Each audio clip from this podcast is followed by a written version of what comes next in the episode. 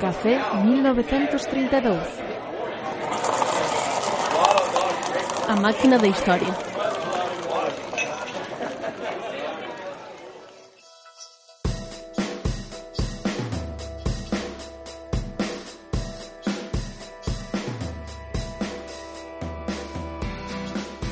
Benvidos a Café 1932, o podcast de divulgación da Comisión de Historia de Xentallas do Pichel. Unha vez máis, son Snob Megalov e hoxe temos a honra de presentarvos a segunda parte da animada conversa que mantivemos o pasado 21 de xuño eh, Dionisio Cancela e Maiseu con Manuel Gago. Manuel Gago que é doutor e profesor de xornalismo, divulgador do noso patrimonio histórico e valedor da arqueoloxía social galega. E se escoitaste esa primeira parte, lembraredes que despois de falar a Eito da exposición Galicia 100, a cultura galega en 100 obxectos abordamos algunha das últimas polémicas eh, máis candentes relacionadas co mundo da arqueoloxía do país. Pero nesta segunda parte seguimos onde deixamos, eh, seguimos metidos entre as cachas no patrimonio histórico galego, na súa posta en valor, a súa relación con el. Temos unhas cousas sorprendentes e falaremos tamén de Do Anxo Negro, a primeira novela recén publicada por Manuel Gago. E sen máis, pois voulle dar botón e prender a nosa máquina da historia. Café 1932. Estamos falando aquí do, do, do futuro, do patrimonio, da cultura galega. Vamos intentar pasar algo máis positivo despois de falar sí, deste problema que me parece moi importante eh, e de como vemos o futuro do patrimonio no que ti estás moi involucrado. Uh -huh. Non sei se prefires que falemos de literatura, de patrimonio, Podemos falar de outras cousas, pero... Eh, o futuro do patrimonio. o futuro do patrimonio.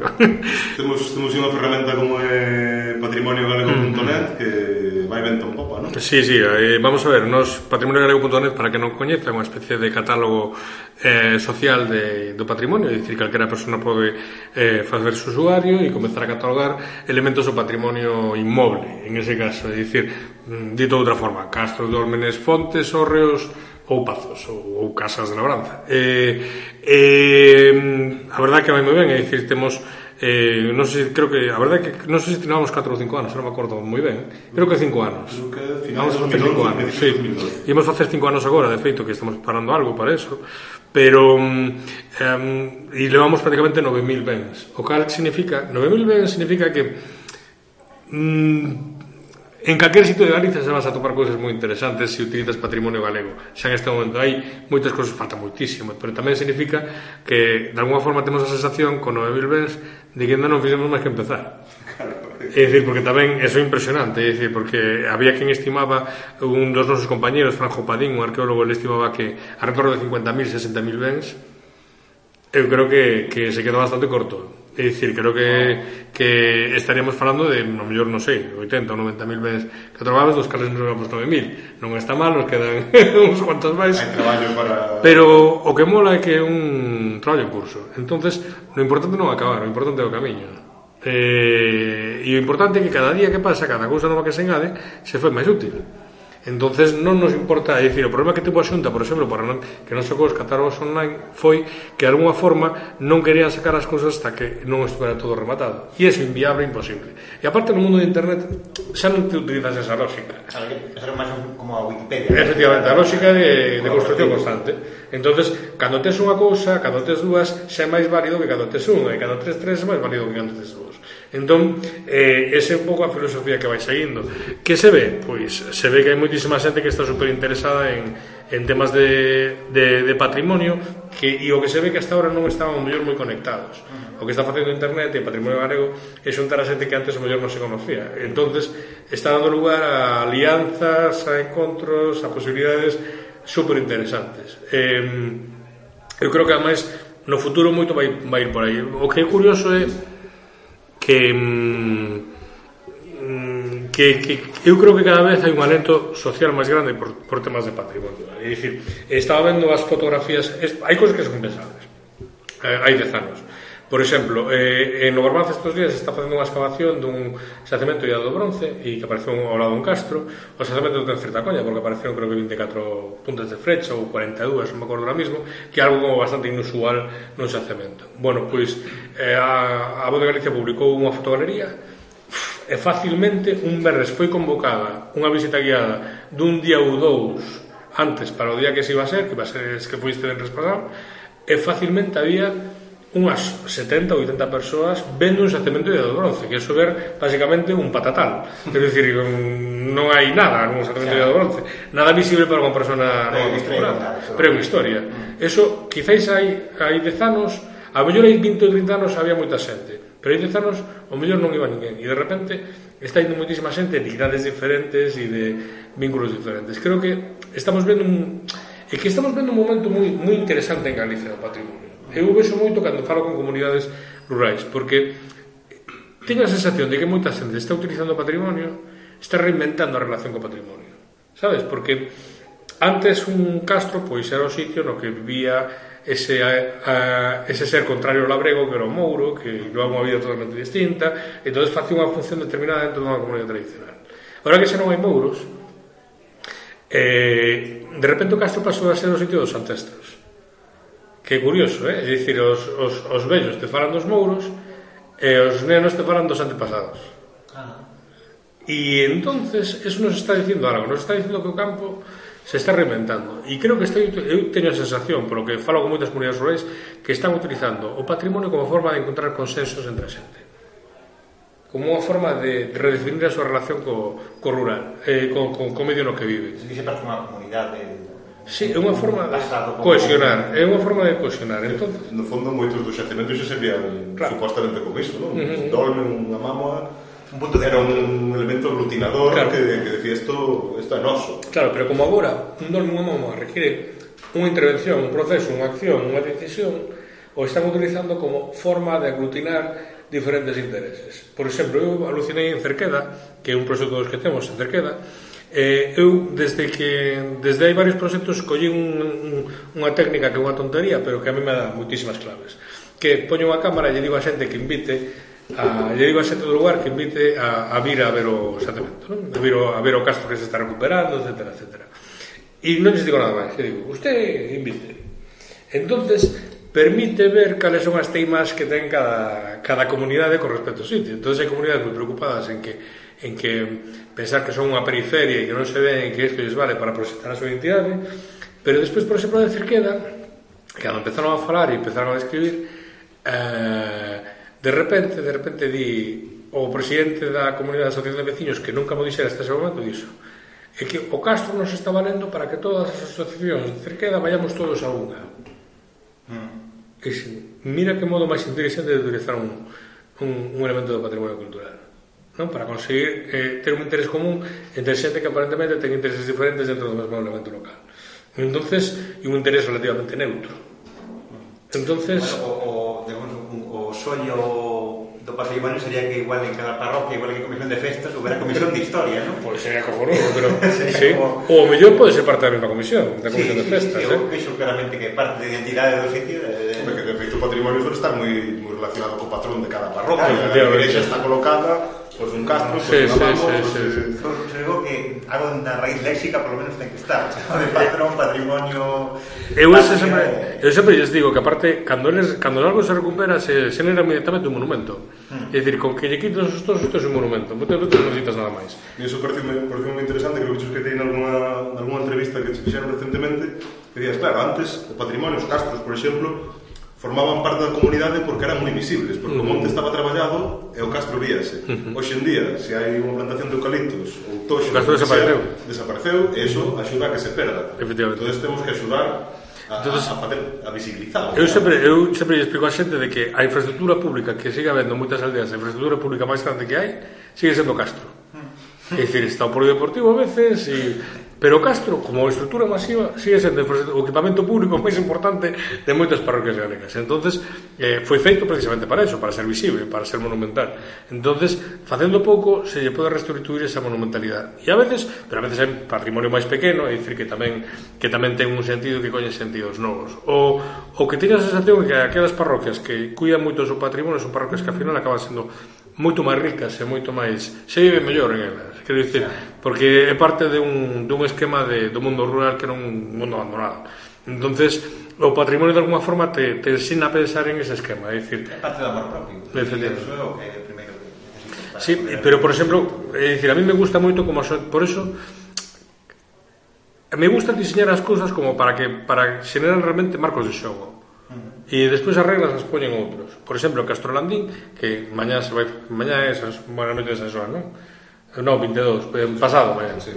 Eh, na noite de San Xoán, Castrolandín eh, recuperaron a bella tradición de poñer os fachos todo redor de, de, da, da, da muralla. Entonces, os fachos son collidos, os prenden os, collen o lume os nenos e os, e os avós, e levan o lume á fogueira central, non? É un rollo alucinante, de ver, alucinante. Va a ver, a primeira vez que vin aquelo, eu quedei alucinado do, do bonito que era ido, todo como contaba. Pero alucinante era que esa tradición estaba perdida. Estaba perdida 50 anos ou algo así. Eh, e entonces cando se recuperou, claro, cando ves a xente que está facendo eso, é xente de alguna forma que segue vinculada a Cuntis, pero que xa vive en Santiago, vive en Pontevedra ou vive en Vigo, eh, e que ademais está vestida non está vestida con peles de carneiro en plan facendo un falso remedo de castreso. Van vestidos de, non diría de domingo, pero así de sábado pola tarde. É dicir, xo, tómano serio. Mm. Tómano serio. E de alguna forma ese é o vínculo que teñen con, con, con Cuntis, que sigue entendo. A, a esa acción común. Entonces, a mí me parece unha forma fantástica de reinventar un castro e que non sempre se ten que pensar en términos turísticos. Nunha, digamos, nunha sociedade laica como parece que vai ser a nosa, como debería ser, do meu punto de vista, pode ser ter o patrimonio como, como patrón como, como era o santo antes que era o aglutinador da comunidade por ser patrimonio. Como elemento de profunda carga simbólica no imaginario local. É dicir, eso, eso é fundamental. O outro día, por exemplo eh, eh, nesta comunidade de montes da que antes falaba, lle enseñei os nenos que viñan ali o Pozo do Ouro que era un pozo que tiña un encanto que é unha estrutura super rara que ten ese castro. Eh, que xa me gustaría meterlle o dente algún día. Pero eh, enseñei o Pozo do Ouro e lle dixen aos nenos, tede cuidado porque aí vive un encanto. E este encanto para conxuralo hai que dicir Xesús. Así que, que tedes que dicir, nenos? E dixeron todos mirando para o Pozo. Xesús, Xesús, Xesús. De repente, se imaginario volví a estar activo. E eses nenos seguramente se quedaron con esa referencia de lenda para toda a vida. Quero dicir que o imaginario que rodea todos esos lugares é tremendamente potente e, e somos nós de alguna forma os que estamos pendentes de construir o imaginario. Sursallan está facendo ahora mismo en este momento un proxecto en Cereixa, en Pobra do Grollón, que se chama o Castro de San Lourenzo e sabedes unha das primeiras cousas que van recuperar? Nos anos 60 toda a aldea fixo un campo de fútbol. E o Cereixa chegou a ser un, un equipo super famoso entón no campo de fútbol había unhas pedras eh, no campo de fútbol había unhas laxes mm, digamos por fora da, do, do capo de marcar unhas lases con algo de xisto. Entonces nesas lases con algo de xisto era donde se sentaban as mulleres de Cereixa a ver os partidos. E non se podían sentar as mulleres do equipo contrincante. Esas lases eran só para as mulleres de Cereixa entonces eh, unha das accións que se van a facer é recuperar ese campo de fútbol con esas lases. Entón é arqueoloxía de algo que pasou nos anos 60 pero que resulta que para a xente ten unha serie de valores alucinantes non? a guerra das mulleres eh, dentro do, do contexto do, favor, do campo de fútbol e que, que se dá, dá moitísimo son entón a arqueoloxía eu creo que vai deso vai de darlle ás persoas un sentido de pertenza un sentido de identidade pero tamén incluso unha serie de valores e de éticas eh, a partir do que queren construir. Bueno, falamos do rural, pero tamén hai un patrimonio urbano Poder, claro, claro. digno de... Sí, sí, sí, sí, sí. É que, que penso que tamén pode servir un patrimonio moi recente, industrial, o que sea, pode servir como un síntoma de, de, de orgullo, decir, sí, ver, sí, eh, tiñamos un castra e uns milanos, pero hai sí, sí, sí. tiñamos unha conserveiro, un curtidoiro... Un... Sí, porque determinado tipo de mentalidade de división popular establece un pouco a antigüedade como elemento legitimador de como elemento legitimador de do que é o patrimonio, pero cando en realidad o patrimonio non vai deso, o patrimonio vai da, das vidas da xente. Outra cosa é que lo sea, que é unha ciencia que investiga a acción do home en... pero cando falamos de patrimonio entonces falamos de algo construído que máis que a arqueoloxía. É dicir, ten que ver con memoria e con identidade. Entonces estás operando con valores diferentes sempre poño caso. As, as, eh, na Alameda de, de Pilar García había unha, uns bancos eh, non estéticamente quizáis non demasiado cumpridos eh, que eran así como de baldosas que o Concello de Cultura, que era arqueólogo, eh, decidiu retirar para reformular o que era Alameda. Entonces de repente vallaron todo e a Peña empezou a poñer fotos deles nos bancos. Por qué? Porque neses bancos ligaran, cando eran pequenos, criaran os nenos xogando. Había un marxo sentimental. Os bancos eran infames, eran dos anos 60, 70, dun valor estético moi discutible, pero sin embargo tiñan un valor emocional moi importante. E, e entonces eh, o patrimonio contemporáneo e o patrimonio urbano ten moito que ver con eso, é dicir, ca lectura que que ese patrimonio nos pode facer dunha cidade das súas, das súas propias, a veces, contradiccións internas. Probablemente sea, o sea, no rural hai moitos casos no que corre perigo, pero no urbano hai moitísimos, de feito, hai non tanto entrevistamos aquí a, a Carmela Sánchez Arines e falamos moito deste tema, non? De, de, do pouco que se valora o patrimonio industrial e que tamén é importante, é necesario... E non só industrial, senón determinados tipos de patrimonios que son moi disruptivos con respecto á idea que nos queremos ter do noso propio país. Por exemplo, un caso moi típico e tremendamente inquietante é o que pasa con Cascasas Ardeco. Ah. Cascasas da burguesía dos anos 10 anos 20. Prácticamente están destruídas, se siguen destruindo, moitas delas están sin catalogar, Eh, todo ese patrimonio creado por unha clase media emerxente dos anos 10, dos anos 20, tremendamente dinámica na zona de costa, en Vigo, en Coruña, en Ares, en, en Fene, en, en toda esta zona, en Novarbanza, E todo ese patrimonio, é dicir, des, dos anos 10, dos anos 20, que tiña que ver con unha sociedade tremendamente dinámica, sí, parece que non nos encaixa. Colores, que había moitas veces. Parece que non nos encaixa. E non sabemos que facer con el, mm. non lo consideramos, e aparte, cando máis, incluso estéticamente, para os nosos valores día, son, é tremendamente fermoso. Mm. Pero, sin embargo, eh, non sabemos como encaixalo porque non nos encaixa, non nos encaixa o Foxtrot, na nosa idea da Galicia dos anos Para mí, o, o, non entra dentro do relato que Non entra dentro do relato, entonces non nos importa que esa casa este como caral Se cadra para mí o, o patrimonio material máis eh, que pode simplificar iso máis é unha cousa que está bastante rota e bastante esquecida a veces, pero sorprende moitísimo que o parque pasa tempo en Betano. Un caso clarísimo. Que brutal. Pero si claro, fora do século XVIII, o pasar, o parque del pasatempo estaría, sería Vic de la Oleche, sería super recuperado. Sí, sí, no, no Pero, como é maravilla, sí, claro, eh. non é. Que? Non é, o Parque do Pasate en Bumbic. Ui, pois non sei, pero eu sospecho, sospecho que non, non? Pues no, no sé, eh, disculpe. ¿Cómo podemos permitir algo así? No, Parque claro. de está bastante, bastante. Muy deteriorado, muy deteriorado. Se ten un proyecto bonito onde podes sacar fotos, non, non seas que de peso o, o, o que tende valor histórico. Que unha cousa que está que me lembra, eh, me, me, me trae un pouco a unha peza, a ese home... Clásico.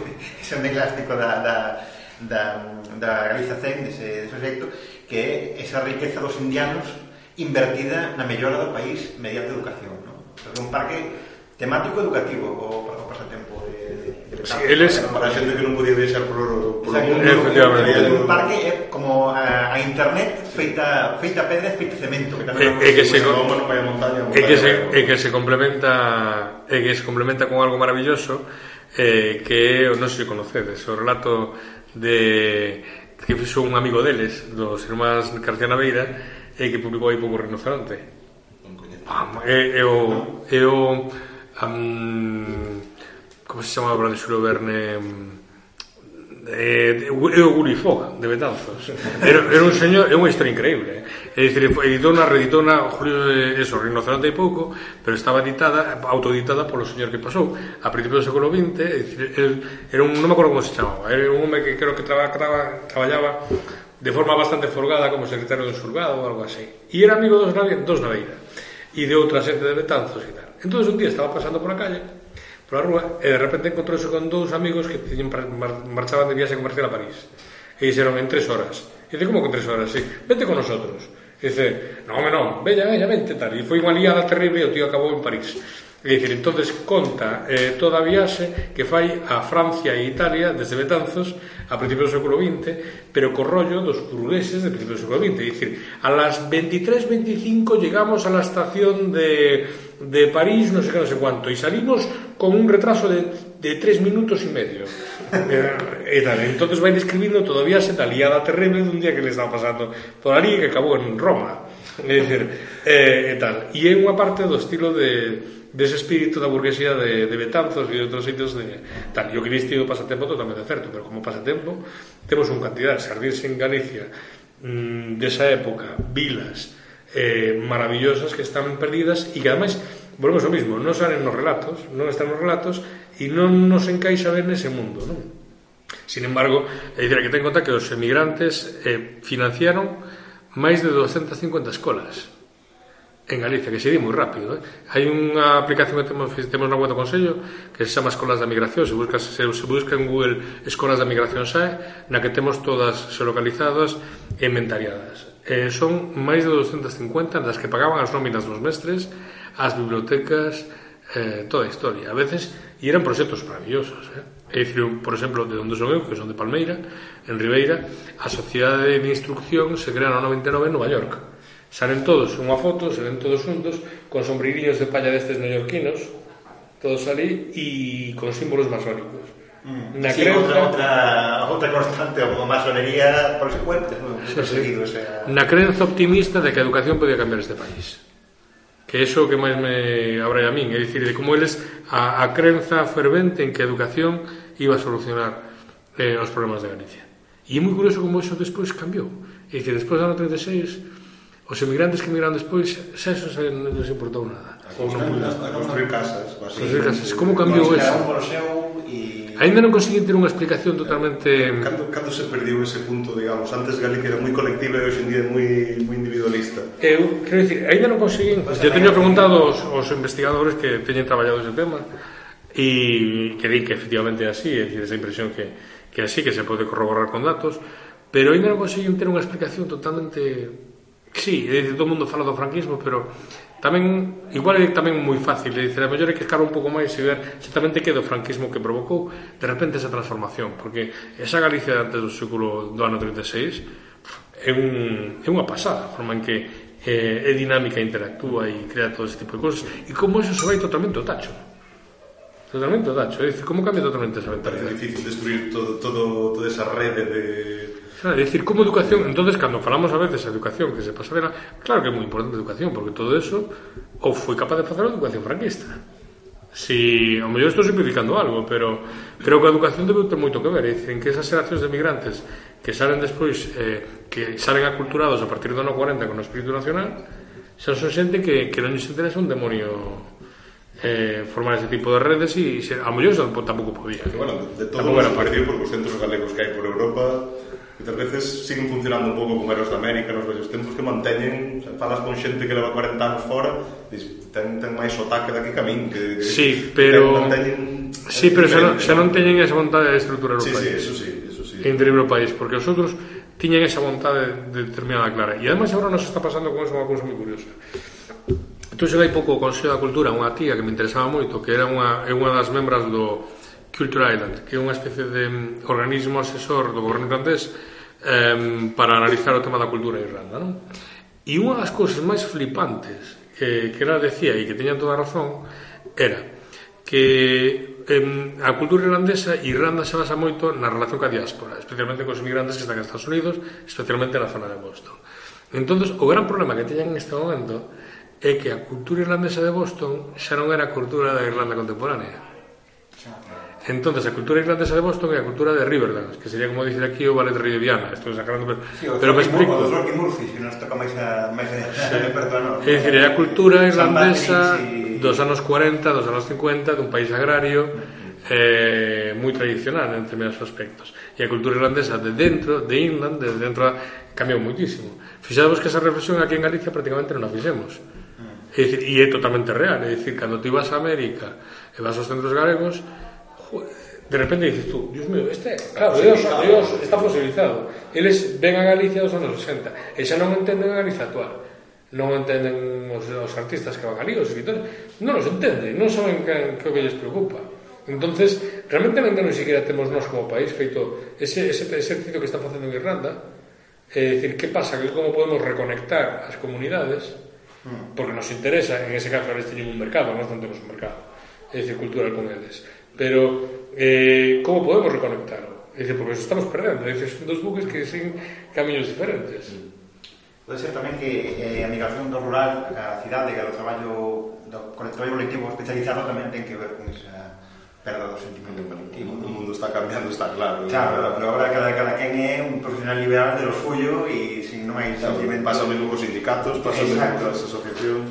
Sí, pero o factor local sigue sendo moi importante. Mm. Por menos en Galicia é unha característica eh, moi intrínseca nosa que é o feito de seguir cesados no noso lugar de orixe a pesar de vivir eh, ti sigues cesado, cesado en Ferrol? No, bueno, porque bueno, moitos anos, ah, a, moitos anos Bueno, pois pues, eu teño amigo, eu ainda me cesei aquí ainda hai dous anos ou tres, quero dicir, eh, moita xente e nos costa, nos costa moito é dicir, entonces sí que hai un factor importante de, de, de, de vínculo, é dicir, creo que eh, esos vínculos siguen existindo O que pasa é que nos estamos reinventando e é interesante como nos estamos reinventando. Cando, cando empezamos a traballar en niños en Ponteteso, nun castro dali, empezamos a falar dos nerios e dos ártabros porque ese castro estaba un pouco na fronteira entre, suposto, entre os dous povos.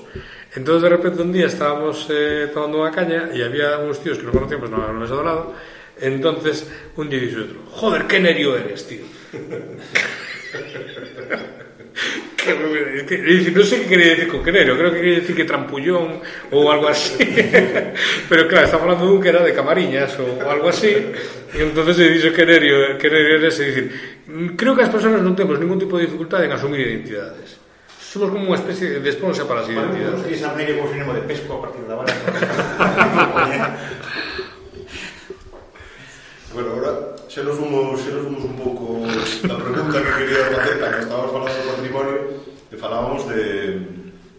de achegar o patrimonio a xente pero que facer cando un certo elemento patrimonial está en risco e, eh, como sempre, sigue faltando vontade da administración. Tes partidario dunha política máis combativa, como mm. podemos decir, a que está facendo Mariña Patrimonio mm, hoxendía, mm, ou... Mm. Bueno, un tema moi interesante, é dicir, porque mm, cada, cada vez de alguma forma é, é diferente.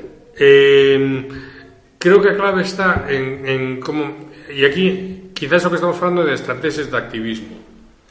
É dicir, de como, por exemplo, Mariña Patrimonio... Hasta que consenso. Sí, por exemplo, Mariña Patrimonio eh, ten unha cousa que é fantástica, é dicir, eles non son moitos, pero teñen o ben máis preciado do mundo que o tempo. Hmm. Entonces, María Patrimonio se basa en poñer nerviosa a administración a base de papeles escritos presentados por registro. Entonces, abafan a administración cos mesmos cauces que a administración a veces eh, se estableceu para, para frenar o bloqueo, non? É dicir, o tema de que no, tú non podes chamar a un arqueólogo da asunto e dicir, oi, me está facendo algo, no, tens que presentar un papel, presentar un registro, dar o teu nome, o teu DNI, ese tipo de historias. entonces eles están abafando, pero colleron, de alguma forma, subvertiron o mecanismo de autodefensa da administración para o mesmo, non? Para ver contra eles e eh, volver contra eles. Entonces, teño, nós temos tempo, entonces, pumba, pumba, pumba, pumba, pumba, instancia, instancia, instancia, instancia. E gracias a eso están facendo un traballo que eu sempre digo, é dicir, subese 4 Manolos Miranda, que é o presidente de Mariña Patrimonio, 4 Mariñas Patrimonio en Galicia, funcionando así como funcionan eles, eh, tumbaba un, unha dirección xeral, eh? E que eu decía que cando fixamos unha presentación aquí na Xentalla que gente a xunta que les tiña medo. Sí, sí, sí, sí, sí, sí. Claro, porque aparte son xente que sabe mover moi nos medios e tal. Que, eh, entonces, hai unha parte da estrategia que está clara que, de alguna forma, cando hai un conflicto, É dicir, de que forma podes subvertir e volver no teu favor os mecanismos que a administración utiliza para, para isto. Pero despois hai un segundo factor que, que a veces podes facer e aquí podemos poner un caso tamén que é o caso de San Paio da Veleda. É un dos últimos grandes mosteiros da Ribeira Sacra que está por restaurar. Está é unha pena como está, está a igrexa caída, canecillos policromados, canzorrillos policromados dentro, chorreándolle agua, é dicir unha vergonza, como está que non. Tema de propiedades, tema de diferentes tipos de temas. Entonces, eh, hai un sorriso de Daniel, con unha asociación fantástica, eh, de, de defensa do románico, fixo toda unha serie de accións tremendamente visibles. Incluso a comunidade, en ese caso, nos apoiou. E, dicir, de feito, un, unha exposición na que todos deron a cara diante da pía na que foron bautizados, eh, bueno, unha serie de elementos simbólicos. Pero, como non había unha carga demasiado agresiva ou demasiado violenta, a administración dixo, ah, vale, estas están así e ya está. Sospeito, é eh, un pouco a miña interpretación. Entonces, o problema da administración que... eh, si, sí, o problema da administración é que a administración tes que conseguir que a administración teña medo e a administración non medica eh? Quero dizer, tampouco é demasiado difícil tampouco, non é demasiado difícil. E moitas veces tes que estar disposto a asumir que nun conflicto de patrimonio a diferencia, por exemplo, é moi diferente o activismo sindical, por exemplo, en un caso de de que unha empresa non paga a xente durante dous meses ou algo así, é un activismo totalmente diferente a este, porque o activismo do patrimonio é un activismo que te, para resolver algo, a mellor necesitas 4 anos. Entón, ti tens que estar disposto a que se si de repente adoptas un mosteiro en ruínas, o tens que adoptar durante 4 ou 5 anos hasta conseguir que eso, dicir, vas a ter que estar dando a chapa 4 ou 5 anos. Un caso, e unha persona sola é capaz de facelo, pero ten que estar disposta a asumir toda esa inversión de tempo.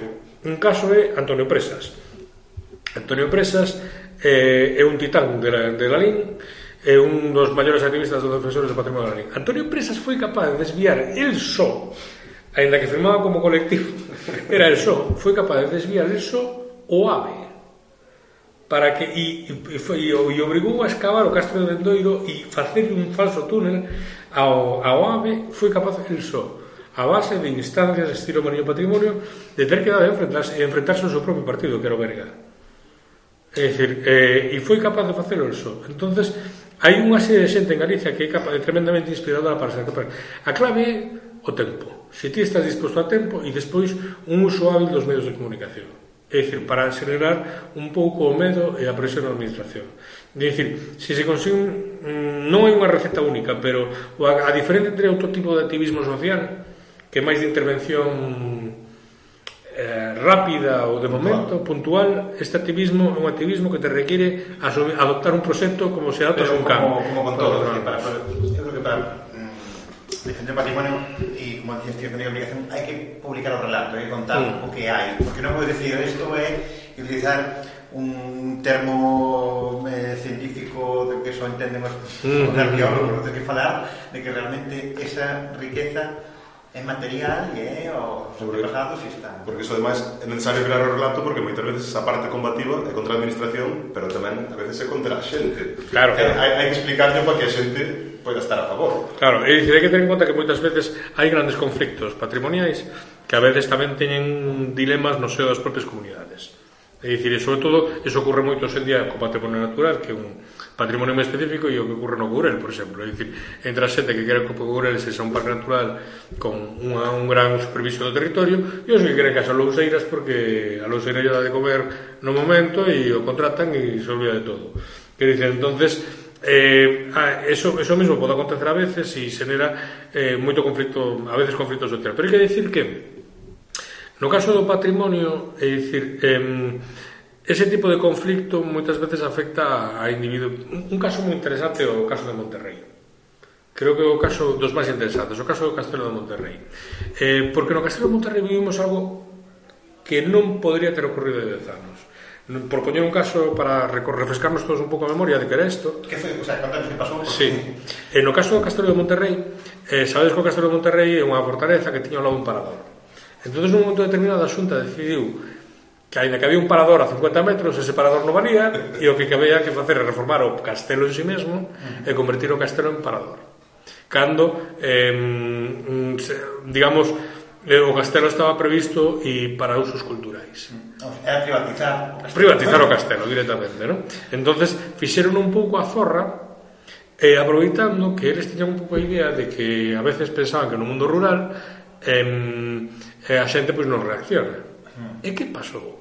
Pasou moi interesante. É certo que hai moi pouca xente nova que vive en Monterrey e en Berín. Pero viven todos en Vigo, Santiago, Coruña, etc. etc. Entón, de repente, polo Facebook, se articulou un movimento contra o castelo, contra o uso privado, contra a privatización do castelo. E de repente, esos tíos, a través das redes, foron capaces de superdimensionar o problema, acelerar e provocar manifestacións e, ademais, facelo unha forma moderna que era evitar a partidización que é un gran problema moitas veces na gestión deste tipo de historias sí, porque debe... a xente confunde porque a veces é fácil que un partido te faga toda a logística. Que debe coser o do BNG e que sexa unha claro, de bloqueiro. claro, claro, claro. entón foron capaces de evitar eso e utilizaron a rede. Entonces hai 10 anos en que existía Facebook non estaba tan extendido era virtualmente imposible que eso ocurriera. É dicir, por que? porque a xente non estaba ali. É dicir, de repente empezou a facer activismo a favor do Castelo xente de Berino Monterrey que vivía por todo o país, por todo, incluso por todo o Estado. Uh -huh. E tiveron unha forza brutal nese momento. Non o conseguiron, pero fixeronlles moita pupa, eh? Fixeronlles moita pupa. Eh, e non o conseguiron, quizás, porque lles faltou saltar a dimensión galega. Foron capaces de articular a nivel local, pero lles faltou, aínda que intentaron e conseguiron apoio, pois, pues, típicas figuras famosas, Néstor non sei que, non sei quanto, teñen que ter, para conseguir ter, porque a decisión deso estaba na xunta, non estaba a nivel local. Entón, mentre todo o forbello ocurría ali, a xunta non se sente afectada porque ocorre en Berín e Monterrey. Faltaba o que decías antes, que entrasen nos medios, ¿no? Efectivamente, nivel... lles faltou tal, pero, pero foron capaces de facer algo que hasta ese momento, de feito, eh, eh, a mí me teñen reconocido políticos de ali que, sí, que, que, que non esperaban nin, nin, nin de coña eso que pasara. Entonces, ese é outro factor que tamén é moi importante hoxe en día, é dicir, de que de alguna forma... Eh, mm, na, no activismo do patrimonio as redes sociais son absolutamente determinantes para, para poder conseguir moita máis masa crítica da que terías habitualmente. Vai cambiando entón actitudes, está claro. Sí, sí, sí, eu, eu, eu teño clarísimo que, que, que está cambiando moitísimo. Nos últimos 10 ou 15 anos está cambiando, so, pero hai que dicir que está cambiando sobre todo por, por activistas que, que están aí. É dicir, os profesionais van a rebufo. Eh. Temos razón para ser optimistas? Eu teño... Relativamente. Sí, eu creo que con respecto a como estábamos... Joder, que me acordo como estaba... Porque mañán cumplo 40 anos.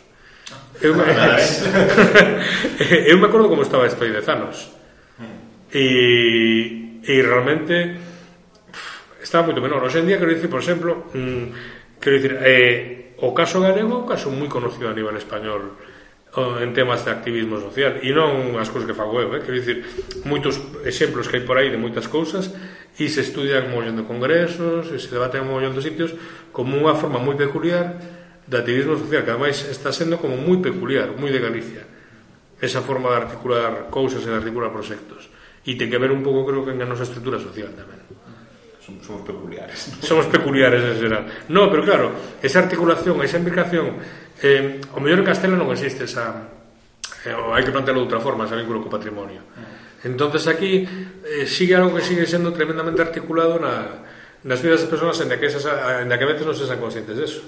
Entonces eso dá lugar a moitas relacións e moitos experimentos que de outra forma mellor non serían posibles. Eu, por caso de, de, de min, e de vos realmente, porque eu eh, xa dicen de eso, o patrimonio antes, pero para mí quizá unha gran revelación foi unha visita guiada que vexo uns anos a, eh, ao castelo da Rocha, que eu non me estivera. Sabía que existía polo teu blog, que foi eh, que foi, vamos, uh -huh. pioneiro de, de tal, fixes unhas fotos hai moito tempo uh -huh. do castelo, onde non se vía prácticamente nada. nada.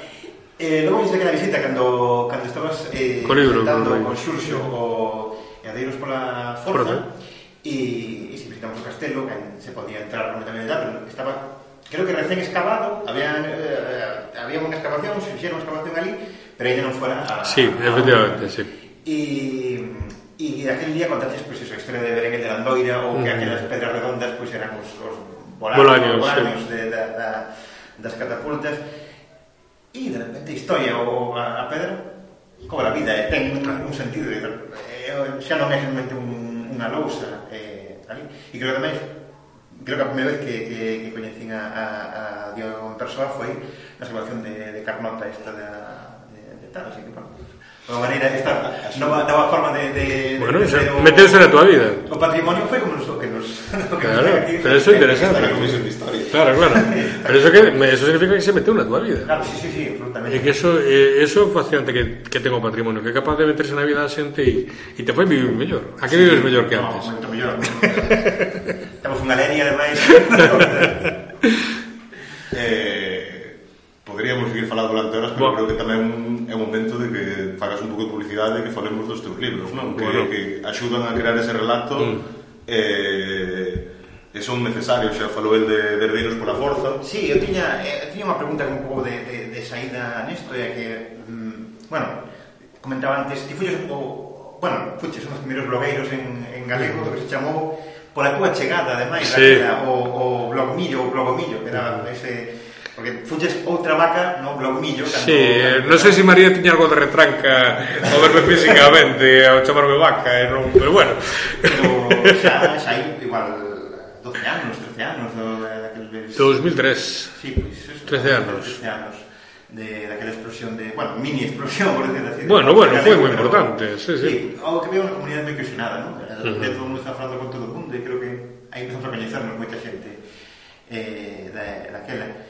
E mm, non sei se o primeiro libro, bueno, non sei tampouco se o primeiro libro que publicaste, o de Retiros pola Forza, sei un pouco de pues esos de cousas que exhibites en internet, a veces... Eh, eh, sí, é dicir, eh, herdeiros, sí, porque eu publico cousas a nivel académico, pero digamos, desde ese punto de vista de, de nivel patrimonial, foi herdeiros foi o primeiro, e surdiu, pois, porque creo mogollón na, Na mí me encanta traballar en equipo, o sea, son unha persona moi sociable, moi de mm. tomar as miñas cervezas con todo o mundo, pero me gusta moito traballar en equipo porque creo que a xente suma, non resta. Eh, entonces, em, a, a partir de miles de conversas con Sursoyan, co arqueólogo Sallán, eh, nos dimos conta de que había unha especie de punto común. Entón, de repente, en realidad, o detonante foi, vos acordades que naquel momento, cando saiu Orteiros, eh, que estamos falando de aí 4 ou 5 anos, non, en 2011, poñamos por aí, non me acordo ben, pero 2011, estaban de moda os libros un pouco salir ao libro do Stefan Hessel, ese de, de uh, Revelaos. Sí É dicir, o libro, a idea do libro panfleto, mm. do libro, do libro folleto, así moi panfleto combativo e tal. Entonces, realmente o noso modelo foi, de repente, decir a idea de que un libro tamén podía valer para iso. Que podía, que non un libro... Nos gusta mucho, moito a idea de libro intervención, sabes? De libro que un libro que de repente se de alguma forma se mete nos cafés a, Da sempre. Con certo impacto, con Freud. Sí, sí, esa, esa roda de presentación que xestes polo, Buah, polo país. Fixemos 40 presentacións sí. hechas de senta, máis todas, é unha cousa increíble. Pero sí, foi a partir de, da idea de, de que un libro tiña que ser material de combate, de alguma forma. Que eso está, está máis inventado desde miles de anos, pero, pero de alguna forma de vez en cando volve. E o Gesell nos animou a decir de, de que podíamos facer un libro que aproveitar a parte do que estaba escrito, que te decías, había que meter cousas novas, que tuvese humor, pero que de alguna forma dices verdades. A verdade é que en outro día repasando o libro quedei bastante corto, eh? Co que os sei, porque os sei, os sei, co que os sei, Non que debe, podemos sí, sí. Eh, quería contar panfleto sí. eh, da forza temos despois a, a tua historia bueno, eh, a, a interpretación sí, dos mitos. Dos mitos en galegos, uh -huh. de romanos ¿no? sí, unha sí. cousa da Castreixo unha cousa sí. tal que vento, vento, vento chuvia vento chuvia choiva chuvia depende un caso memoria da choiva vento chuvia eh, vento de chuvia eh, agora presentas sí. eh, o Anxo Negro. E Eu pregunto, igual que na Galiza Zen, cal é o cal é o hilo que une estas cousas? Cal é que nos narra estas tres... Eh... Todo nace do mesmo esterco. Dice, hai un esterco que está fermentando aí que, que, que fermenta e que abona esa materia que é a materia da memoria, da palabra e, da, e, e, e das persoas ao longo de todo este país. É dicir, de historias de alguma forma que te entregaron en confianza eh, con vontade de, de de unirnos e de conocernos. Entón, eh, por poñer algún en situación, quero dicir, a historia do Oso Negro, eh, é unha historia eh, que conta o roubo dunha Santa Mariña. Dunha? Santa Mariña. Unha, unha, unha, sí, unha peza, unha santa dunha igrexa.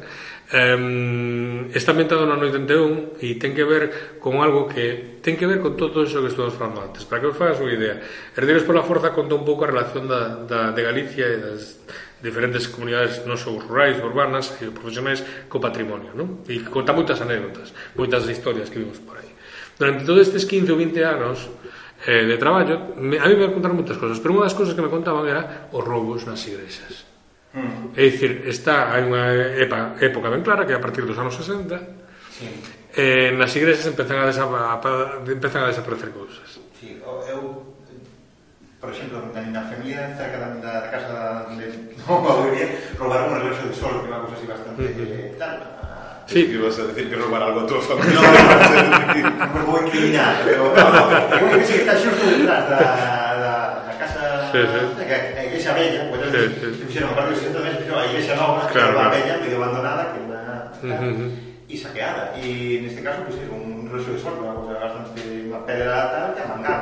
Eso, eh, eh, e, e outro, aproveitando que saiu esta semana, que é increíble que de repente ahora no medio de Santiago parece un claustro gótico. Ah, eso impresionante. sí, é unha sí, cousa que indica sí, moito sí, como sí. está o país, final de patrimonio UNESCO, que sí, de repente sí, parece sí, un claustro. Sí. Que ademais do que non hai documentación. Claro, que, que é increíble. decir, increíble. Pero sí, o que fixemos foi, é dicir, contar, entonces, en moitísimos sitios do país me contaban sempre esa. Aquí había uns santos moi bonitos que vendeu o cura, aquí había un xa non sei que, había un retablo que mandaron para a leña, aquí non sei que, non sei quanto. E eh, te van, te, te, me iban contando historia, esta historia por moitos sitios. Pero é isto como que te van contando outra cousa e non eres capaz de casalas todas xuntas. Hasta que un día de repente casas todo xunto e dices, Dios mío, isto foi un espolio a lo bestia. Foi un esporio salvase dicir, de patrimonio, e ademais un patrimonio que a xente recordaba. Entonces, eh, empecé a contextualizar eso e ten que ver con unha cuestión teolóxica no fondo. Resulta que isto ten que ver co Vaticano II. O Vaticano II hoxe en día é moi famoso porque foi a partir de, de, do Vaticano II cando se empezaron a, sí, a, a, a, a efectivamente, a, a suposta apertura da igrexa eh, as misas en lingua vernácula en algunhas linguas máis que noutras, hai que dicilo eh, o tema do cocura da misa de cara a xente, non de espalda. Sí, algo, para a miña xeración fui imaginar un pois o catolicismo antes. Eh. eh. é como un razón protestante, non? Ah, no, sí, sí, sí, sí, absolutamente tenebrosa. Pero hubo un debate que, que se mm, interior moi interesante, que foi o debate entre a liturxia e a piedade popular. Mm. Non vos vou atorar con isto, pero basicamente digamos que a liturxia sí. Snob como bo vividor lle encanta a teoloxía. É que to, a todo bo vividor lle encanta a teoloxía como é dicir, pero que era que a liturxia? A, digamos, a práctica estándar da Iglesia Católica, a misa. É dicir, os misales, o ritual, este ritual. O ritual máxico. Efectivamente, pero é o ritual estándar, non? Entonces, a Igrexa Católica nos anos 60 estaba moi preocupada pola penetración dos protestantes en América Latina e, e, a, e, o, e, o, e o crecemento do laicismo en Europa. ¿no? Entonces, parte do problema creían que estaba precisamente nas piedades populares que digamos eh, pailanos, digamos na, no culto a San Antoniño de poñerlle unha cunca de favas para que te quitas verrugas, en ir detrás dun ataúde como no Porto Carabiñal facendo unha procesión, entón, que posturas. Pero a Iglesia, como sempre moi sutil, non condenaba nada a rajatabla, non? pero decía, a ver, a liturxia máis importante. Isto se resume moito en que o cura de Outes, que explicando a xente por que a Semana Santa era, importan, era máis importante que a, a festa do patrón, decía, a ver, San Antoniño é unha mona comparado con Cristo. Eso era, ese, ese, ese, eses debates teolóxicos de Roma chegaban a, a un pouco convertidos en, en un pouco en esta cousa, ¿no? Entonces, eh, digamos en toda Europa, en parte de Europa rural, ese debate foi interpretado polos curas en plan barra libre para vender todo. Porque hai que despoxar as iglesias de, de, de distraccións centrarse no culto eh, central. Entonces, eso era pasar por alto a, a, a, forma na que de alguma forma a Iglesia Católica estaba sentada no territorio que en base a antiquísimos cultos que recolleu e reivindicou e outras veces porque a propia Iglesia foi a que favoreceu o culto dos santos e todo eso pues, para ter moitas fontes de ingresos É dicir, eso claro. Outra cosa que me chamo no, no. a decalización eh, é eh, unha peza que é o, mm, esa, esa ara de Berobreo, Berobreo. Que, uh -huh. unha deidade sí, sí, galaica sí, sí. vento chuvia eh, que dis, bueno, máis menos, eu entendí, corríxeme se, se estou errado, que xa era un santo milagreiro antes sí, de ser sí. santo. Subiu ao monte sí, sí. e facía a súa ofrenda para que sí, sí. quitara pues. E que o pouco que sabemos do grupo que era pro salute, eso que aparece en todas as, eso que aparece en todas as as inscripcións, se dice pros adultos, o sea, seguramente se te iba con un riñón ou con algo, con o fígado ou con estómago e tal, a que ver obreos por ali un pouco. Mm. E dicir, o sea, que é o mismo de sempre, dicen eso. Entonces, eh, como dicía, nos anos 60 se deu barra libre e iso coincidiu un pouco coa tormenta perfecta é dicir, porque eh, nos anos 60 o auxe do coleccionismo internacional Londres, Xapón, eh, Estados Unidos, Alemania, hai moita pasta en ese momento e parte da pasta se empeza a destinar a inversións en arte, en arte sacra que hoxe en día xa non existe, hoxe non se rouban santos, porque, bueno, quedan, pero non se rouban porque non valen un peso. Eu no, no Galicia Noticias sigo vendo de vez en cando algún roubo. Sí, sí, pero esas son de Cárices, o mellor esas son máis de... Sí. Pero, pero mm, de dicir, o mercado de arte, hoxe en día o arte sacro non, non, non cotiza moito, te podes conseguir arte sacro por 4 duros. Eh, entonces non cotiza moito, pero aquela sí. Entón foi cando se produciu por un lado a venta, por outro lado a destrucción de Mollón. E o que me sorprendeu era que era o delito perfecto.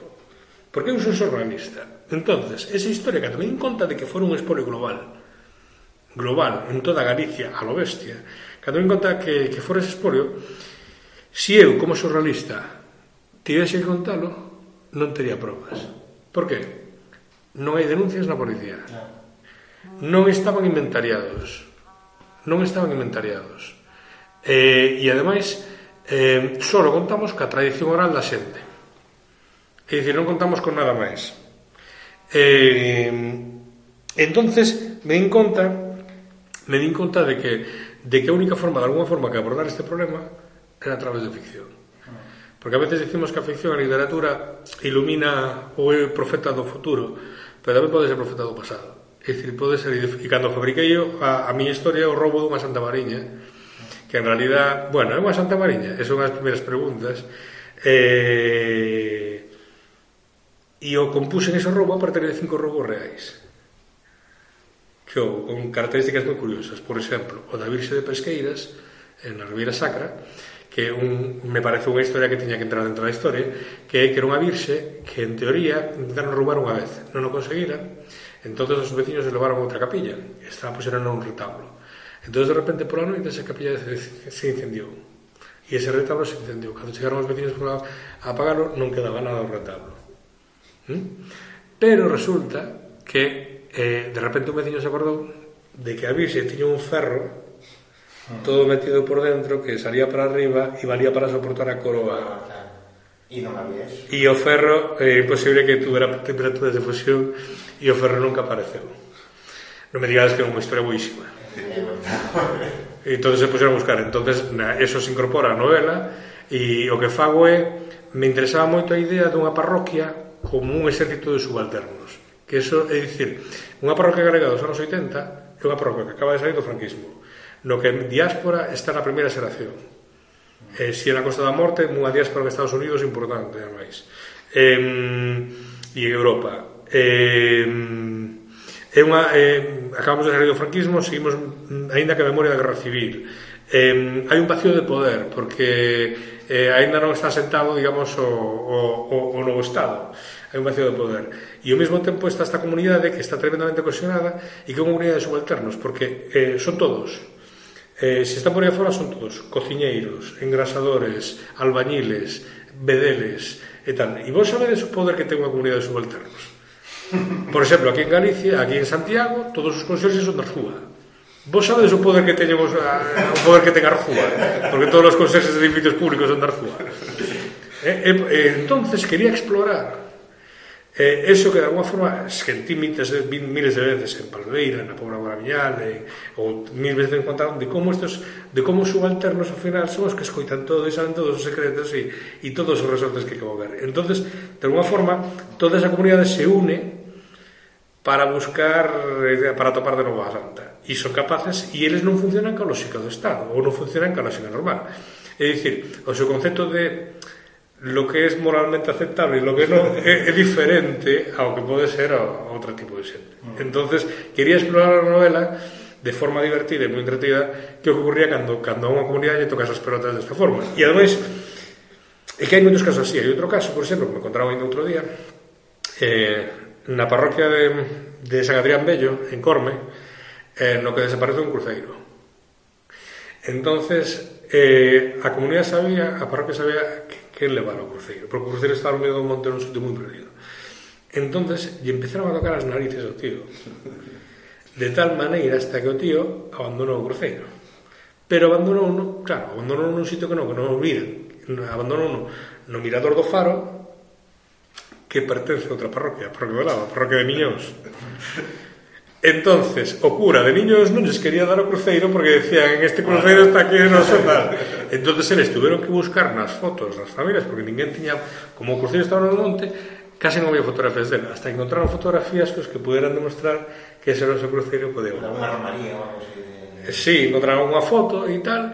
Entonces, me parecen unha historia tan potente que estaba sin escribir esa historia de, de dos marín, da Mariña Mercante dos anos 80 é dicir, deste xente que está en Rotterdam que está en, en Shanghai en, en, en, por todos os portos que se conocen entre eles que contrabandean con whisky que, mm, que dos que ti non sabías máis que só unha pequena parte da súa historia ¿no? entonces todo ese universo que aparece en é negro interesante, de logo, de que eu estaba, estaba pensando que a pregunta que fixes cal é o fío conductor igual me equivoco co slogan, pero vexo que desde Negros pola Forza a Banxo Negro o que fixeches foi limpar, fixar e dar esplendor, non?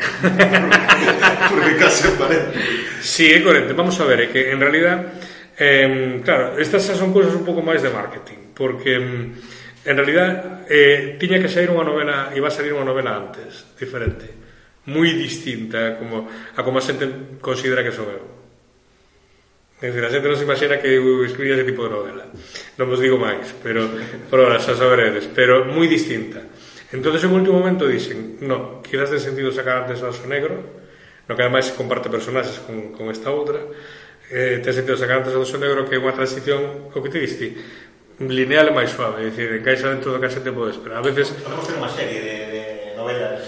sí, eh, eh, non sei, no Pazo de Oca, en todas moitas casas galegas tamén de labranza, hai unha parte da parede que, tevelo visto miles de veces, eh, que salen os corpiaños para fora, para que se pode enganchar e ampliar a casa. Só que no paso, no paso do que é máis divertido porque nos corpiaños está tallada un, unha especie de mal dun señor cun patín super luxoso e apuntando co dedo, así, non?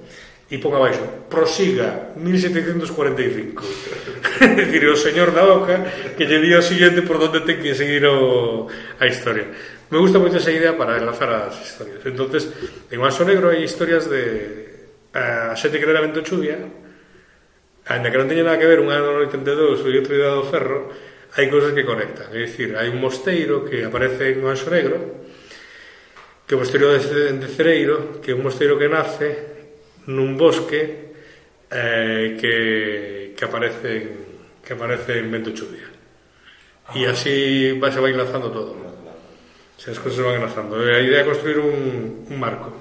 Crear, relato, que nos momentos que lo vamos falando destas, estas dúas horas de ensenxar, hmm. estás creando relato e creo que bueno, paro. Muy, muy necesario, ¿no? E ademais, eh, polo que vin, volves outra vez a Transmedia, tedes sí. un trailer, si fixemos un tráiler, non deixamos un tráiler porque ao final nos sale un monstruo de cuidado, 7 minutos, 30 persoas. Eh... Que, que, que, que de ver algún comentario en Twitter que decía, deixa algo para o libro, porque metestes todo. pois pues non hai nada, fíjate no, no, ti. Eh? Moito misterio, claro. as poucas historias de, de que vai, eh. sí. sei que había un robo, sei que, sí. sí, como saltos no tempo, por lo menos... Eh, sí, hai, hai... As localizacións de Oso Negro son eh, Galicia, mm, en Londres, eh, Rotterdam, eh, París, eh, Nairobi, eh, Nairobi e hai algún sitio máis por aí. Hai, hai moitos sitios e no tempo, eh, temos o ano 81, temos o ano o século XVI, que é moi importante na novela. Eso, vos vou contar, se que vos, vos conto unha historia breve sobre eso. Do XVI, eh, e hai, bueno, do ano 37, eh, 1937 e do século XII tamén unha idea de como as historias van cambiando. É dicir, porque de alguma forma somos espectadores privilexiados das mentiras e dos solapamentos que aparecen sobre as historias ao longo do tempo. Pero hai unha historia que ten que ver con literatura que é moi bonita, tampouco vou corromper porque sabemos moitísimo tempo, pero hai unha historia que fala sobre a veces o, o maravilloso que pode ser a literatura como exercicio de memoria. Que é que eh, hai un protagonista eh, do século XVI eh, que aparece en novela que ten que ver con moito con, con esa Santa Mariña um, que um, eu estaba facendo un homenaxe aos grandes condes galegos do século XVI eh, Lemos e Gondomar uh -huh. Hm? condes moi importantes na corte pero que despois van a ser embaixadores en, en Londres na corte de, de dos Estuardo bueno, eh, na, na corte de Londres etc. etc.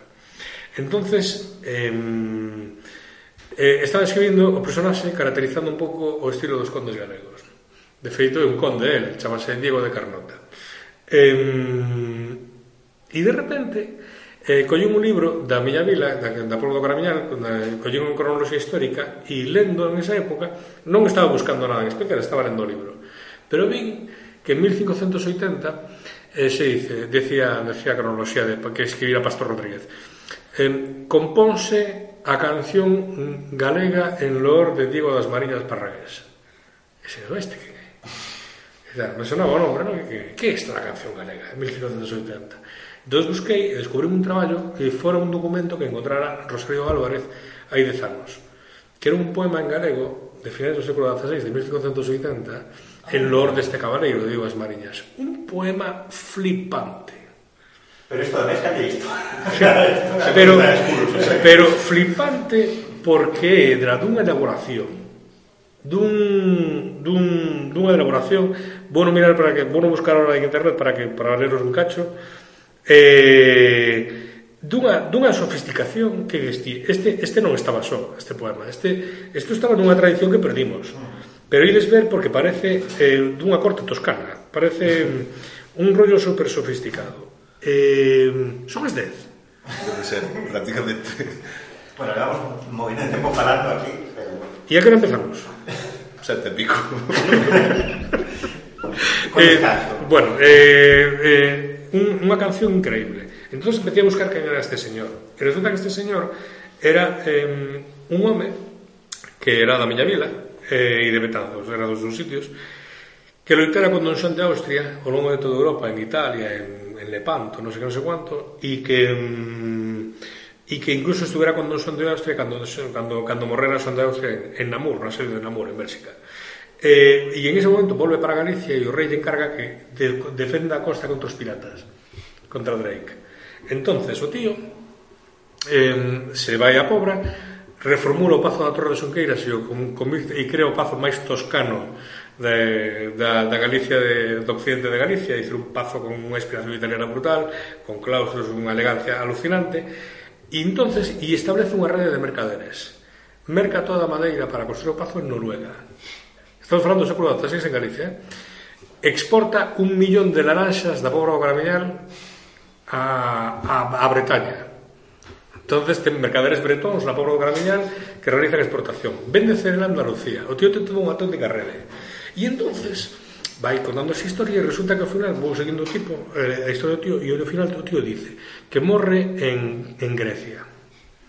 Eh, e dice, muere en Grecia e sirviendo al rei de alguna campana, campaña a principios de 1603 ou 4 e, e digo, joder, que historia máis emocionante entonces empezo a reescribir ese personaxe pillando os trazos de, de, de, de Diego das Mariñas. Eu lle chamaba Diego de Carnota e empeza Día das Mariñas. E isto un día estaba na ducha pola mañá, que cando corren as cousas importantes sempre, e de repente me acordo dunha cousa que me decía meu avó, eu era moi, moi, moi pequeno. Me decía que o e eh, meu avó vivía, eh, de pequeno vivía ao lado da Torre de Xunqueiras, do pazo deste home. Me decía, eh, houve un señor de Xunqueiras que morreu en Grecia. E truxeronlle a cabeza nun barril de sal para ser enterrado aquí. E, tal. e eh, obviamente, como carallo meu avó non sabía de, de, de Grecia, só sabía pola tradición oral, non sei de A ver, a historia, e a historia de boa para contar ya claro. a Guaneto, ¿eh? sempre. Claro, e a historia iba máis sanado que as crónicas históricas a, a localizaba. A historia me, me completaba a historia, o que me dicía o avó, é dicir, de que a cabeza, de alguma forma que o tipo volvera, e volvera únicamente a súa cabeza decapitada en, en, en sal. E, tal. e de repente dixen, joder, como se une o que é a literatura, o que estás creando con, con memoria dunha forma que ti a veces non podes controlar. Xa, xa, xa temos máis fío, non? Para, para, para continuar. é, é alucinante eso. É dicir, eh, entonces, a veces, o bonito da literatura a veces é eso, de que desembocas ou desencadenas cousas que a veces incluso seguramente están no teu subconsciente de alguma forma. Que podes lanzar sin que ninguén en Facebook te mate un pollo, por exemplo. Tamén é certo bueno, non sei se si, si nos queda algo, pero creo que levamos un maratón xa. Algo vai deixar para cando... Cando para, para, para outra volta, non? Recomendamos... Eh, bueno, podes pues, seguir escoitando aquí, falando unha outra máis, pero vamos a deixar... Esta mañá hai que traballar, non? La verdade que estaba moi codo, quero agradecer, pero, pero a verdade que me pasei tamén falando de cuidado, porque ah, non, me, nin me din conta nin a hora que era, me acabo de quedar asustado. Nos agradecémolo e seguramente os, os ouvintes Cristiano está aquí, tamén. Só quero recomendarlle que vayan a ler a visita de Galicia Galicacén, que lean o Anxo Negro, que participe en patrimoniogalego.net. Sí. E que sexan felices, non sei. non sei que máis nos queda. Despois desto, e, e que desperte mañán, porque ven estar dormidos en este momento todos. Pois pues, pues, moitas gracias, Manuel, por vir e por darnos esta masterclass de, de, da cultura galega. gracias.